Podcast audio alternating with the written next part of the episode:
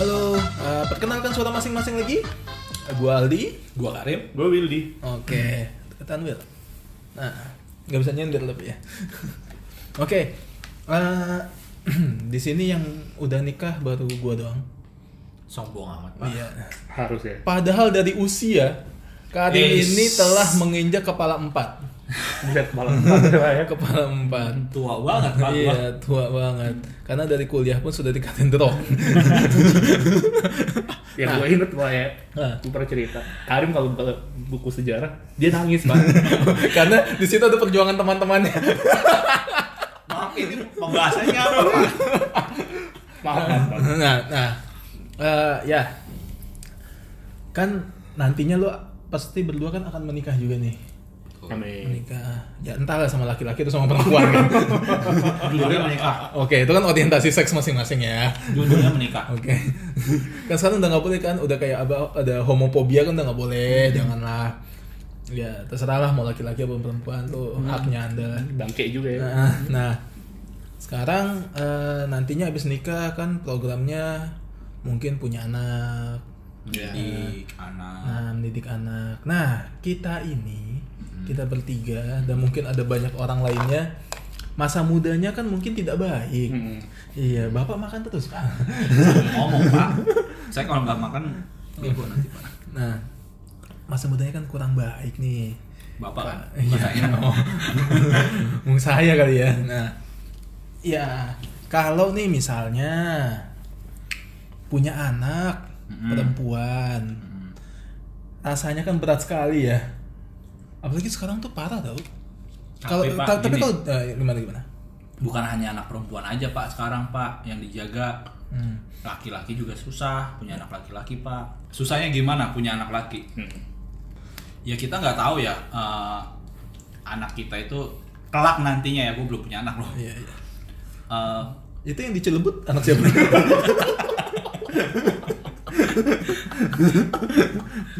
Kemarin ngomong-ngomong bapak, bapak gitu siapa tuh? nggak tahu.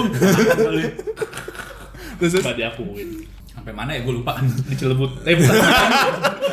sampai sampai anak lu yang Cilebut.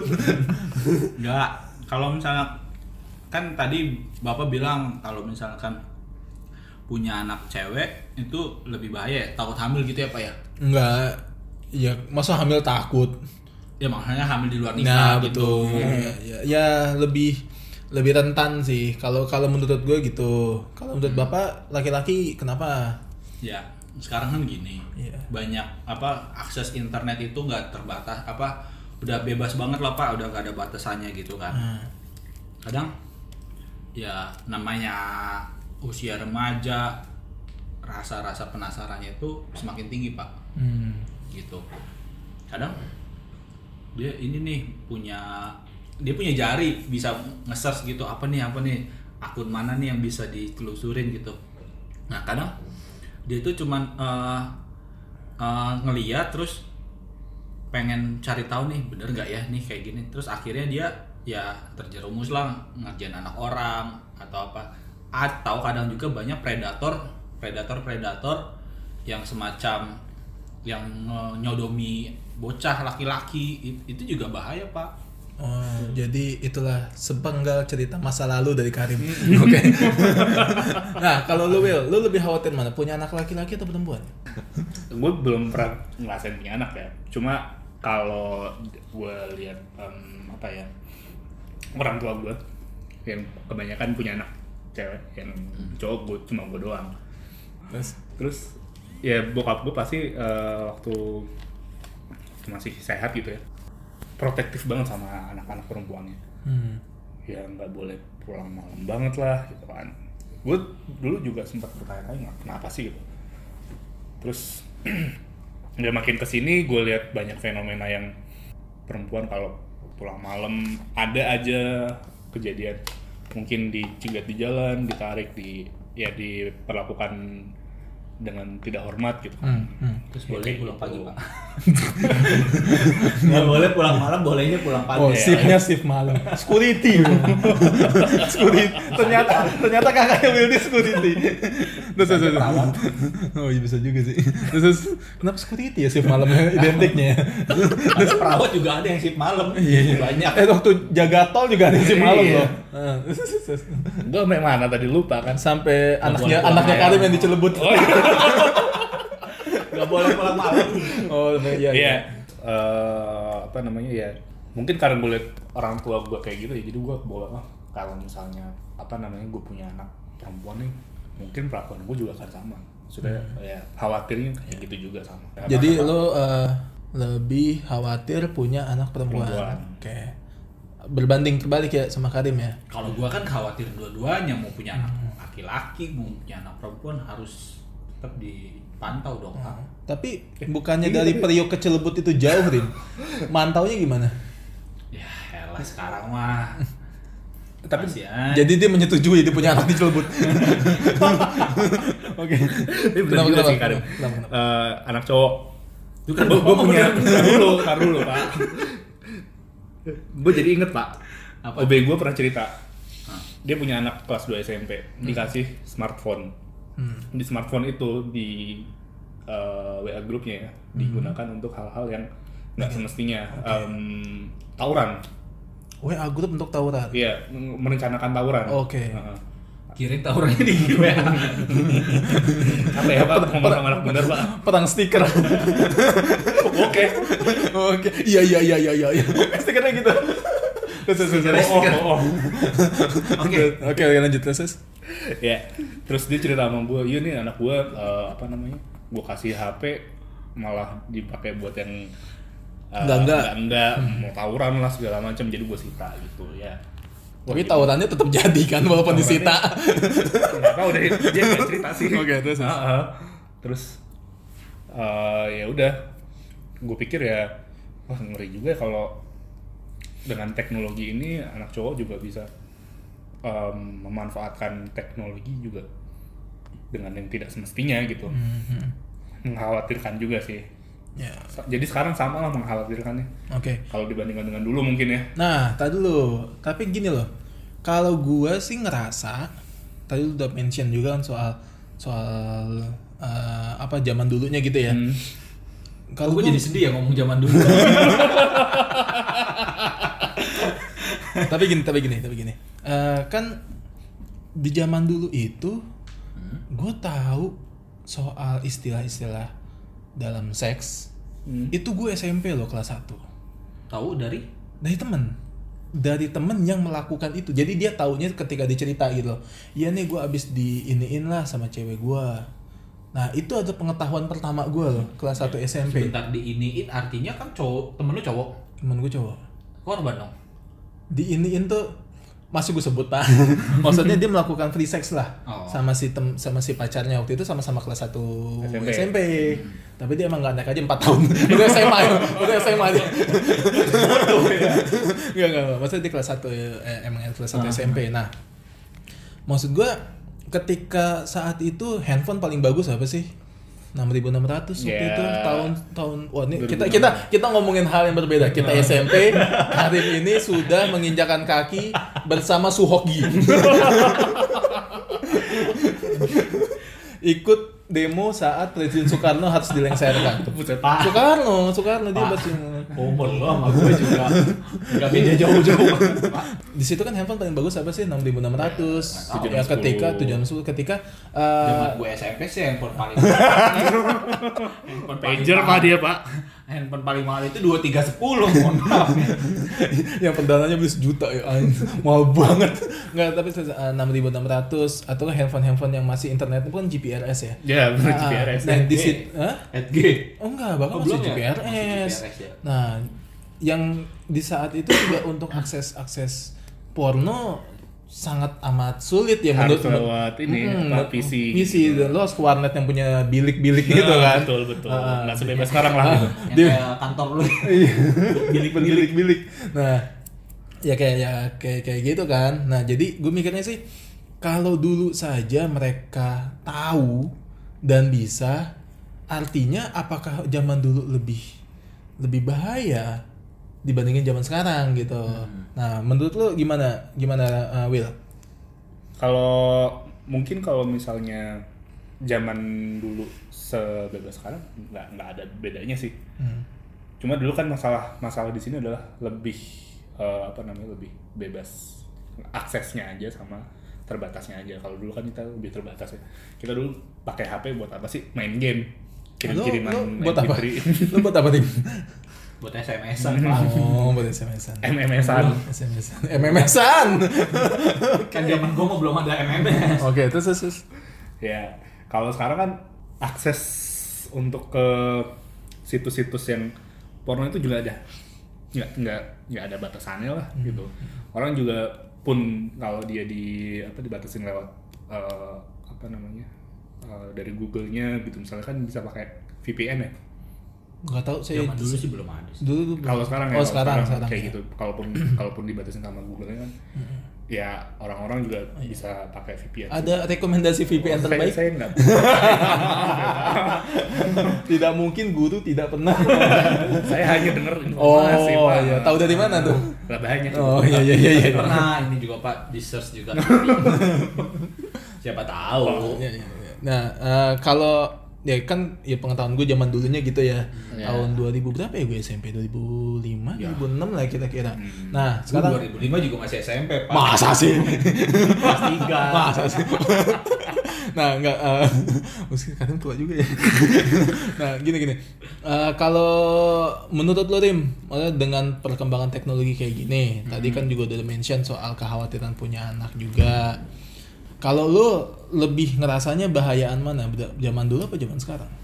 sebenarnya mau zaman dulu mau zaman sekarang bahayanya itu sama gitu loh kalau zaman dulu memang untuk segi uh, dari internet atau apa itu memang masih terbatas tapi kan du, zaman dulu sebelum ada yang namanya belum kita, kita belum kenal banget yang namanya Google itu kita tuh banyak yang terjun langsung gitu loh Hmm. maksudnya oh ke mana nih tempat ini tuh banyak yang nge- ngejajain itu gue juga dulu waktu SMP gue ngerasain sendiri sini maksudnya punya teman-teman nih gue MTS sih sebenarnya bukan SMP Iya juga. tapi gue ngerasa Sekolah agama tidak menjamin Tidak. muridnya tidak Berakhlak ya. berakhlak. Oke oke oke. gue juga nggak nggak ngerasa sih nah waktu gue SMP SMP itu ya tak bilang aja SMP jadi tuh eh, eh di tempat ini tuh ada gini-gini. Jadi ke sana yuk pulang sekolah. Hmm. atau eh ke sana yuk hari Sabtu. Besoknya kan Minggu tuh.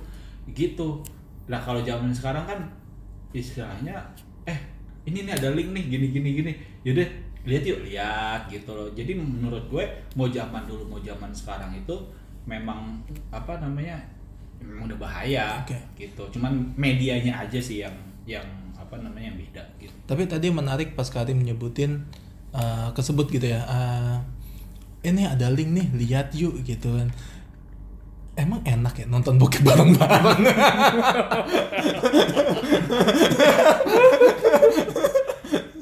kalau dulu mungkin ya lu sama gue beda ya generasi oh iya iya oke oke. A- Akhirnya diakui. ya gue tahu karena kalau dulu tuh gini yang punya handphone itu masih sedikit pak Hmm. yang yang punya handphone sedikit ya udahlah ini kan kalau sekarang maksud gue yang tadi tuh eh ada link nih kayak nyebarin gitu loh lewat broadcast kayak atau chat personal kayak gitu Bahkan gue nggak pernah loh. Gak gue su- suka dapet loh Oh, dari- suka dapet, oke. juga kadang-kadang suka ngirim Ah masa sih? apa mau terlihat sok suci Oh iya dong. Istri saya dengar. Ada yang takut sama istri pak. ini kan emang saya tujuannya untuk Eh, mengedukasi. enggak Oh enggak. buat bikin bapak berantem aja di rumah Oh iya iya. Terus terus terus, Pak lanjut Pak. udah sih itu doang Oh gitu aja. Menurut lo apa sih yang harus dilakuin uh, untuk menghindarkan generasi yang ya generasi selanjutnya, Selanjutnya nih gitu kayak ya. jangan jangan kayak kita lah gitu. Yang kayak kita oke ya bapak. Eh, Kayak maaf ya Oke. kita tuh siapa nih Uh, ya Anda. Oke, terus gimana gimana gimana? Gimana gimana Tim? jawab nih, ntar Ah, gua jawab. Oke oke, dia retweet lagi. Oke. Gimana gimana Bel? Gimana Bel? Eh, Karin dulu lah kan tadi pertama gua yang Oh, jawab. ya, Oke oke oke oke. Tadi apa pertanyaannya? Menurut lo gimana nih eh, supaya anak-anak nih nggak kayak kita lagi gitu? Oh, yang pasti sih peran orang tua itu sangat membantu banget ya. Maksudnya edukasi seks itu emang harus pen, eh, harus banget dikasih tahu gitu loh ke anak. Maksud gue sa- itu sangat penting. Bukan artian eh ini begini ya cara bikin anak gini-gini enggak. Maksudnya edukasi itu kayak eh, ini nak eh, lu masih umurnya segini nih kalau misalnya ngelakuin seks eh, belum ada ikatan ya kita edukasi tentang bahayanya gitu loh bukan caranya. Kalau caranya emang gak usah diajarin juga anak-anak sekarang mah keponya tinggi banget gitu loh. Jadi eh, peran orang tuanya sih harus proaktif lah gitu. Eh, harus jangan terlihat kaku juga. Maksudnya ah anak baru 15 tahun udah dia udah diajarin seks gini-gini. Ya enggak juga sih gitu kan. Hmm, Oke. kadang banyak juga ya orang yang menentang apa sih itu pendidikan seksual nggak penting mengajarkan anak untuk ke eh, ke mana ke arah Ya nggak benar. Heeh. itu enggak juga sih sebenarnya gitu kita cuman mau apa namanya mau informasi bahwa bahayanya ini loh gitu Tapi kan ngajarin seks ke anak kan kayaknya nggak semudah teorinya ya. Iya. Nah, kalau kayak misalnya, iyalah kita bisa bilang selama kita belajar gitu ya, Ah. dosen-dosen kita selalu bilang, ya pendidikan seks itu memang harus dilakukan sejak dini. Iya, anak-anak itu harus diperkenalkan kalau ini loh akibatnya, ini loh sebabnya. Eh, jadi ibu sama ayah ngajarin kamu supaya kamu tidak eh, tidak salah lagi nih ke depannya kayak gitu. Tapi kan uh, to be honest aja maksudnya tidak ada jaminan satu kita melakukannya dengan benar maksudnya ngajarinnya kedua si anak ini menangkap apa yang sama persis dengan Persepsinya. ya, Ah, ah, menyamakan persepsinya kan juga agak sulit nih. Dan sejak kapan nih kita bisa bisa ngasih tahu dia? Jangan-jangan ketika kita ngasih tahu usia 15 tahun dia sudah lebih tahu. Gitu loh. Nah kalau menur- menurut lo Rim eh Rim lagi dah tuh Will. Nah ini agak susah pertanyaannya googling dulu. Oke. Ah, menurut lo, menurut lo aja, eh, Anabel aja, analisis gembel. Usia berapa nih kita udah bisa ngajarin si anak? Gue waktu itu pernah em, baca Oh. salah satu stand up comedian. Dia punya anak. Banyak. eh anaknya perempuan si stand up comedian ini kan Hmm. laki-laki ya. dia itu caranya eh, sederhana aja Hmm. waktu dia masih kecil nih si anaknya masih kecil si stand up comedian ini ngajak mandi bareng Oke. nah dia eh, ngasih tahu bahwa punya bapak sama punya kamu beda nih anaknya cewek anaknya cewek Masih kecil. masih kecil waktu itu masih umur Usia. berapa tahun lima tahun kali ya Oke. Gitu. Mau tahu? Oke.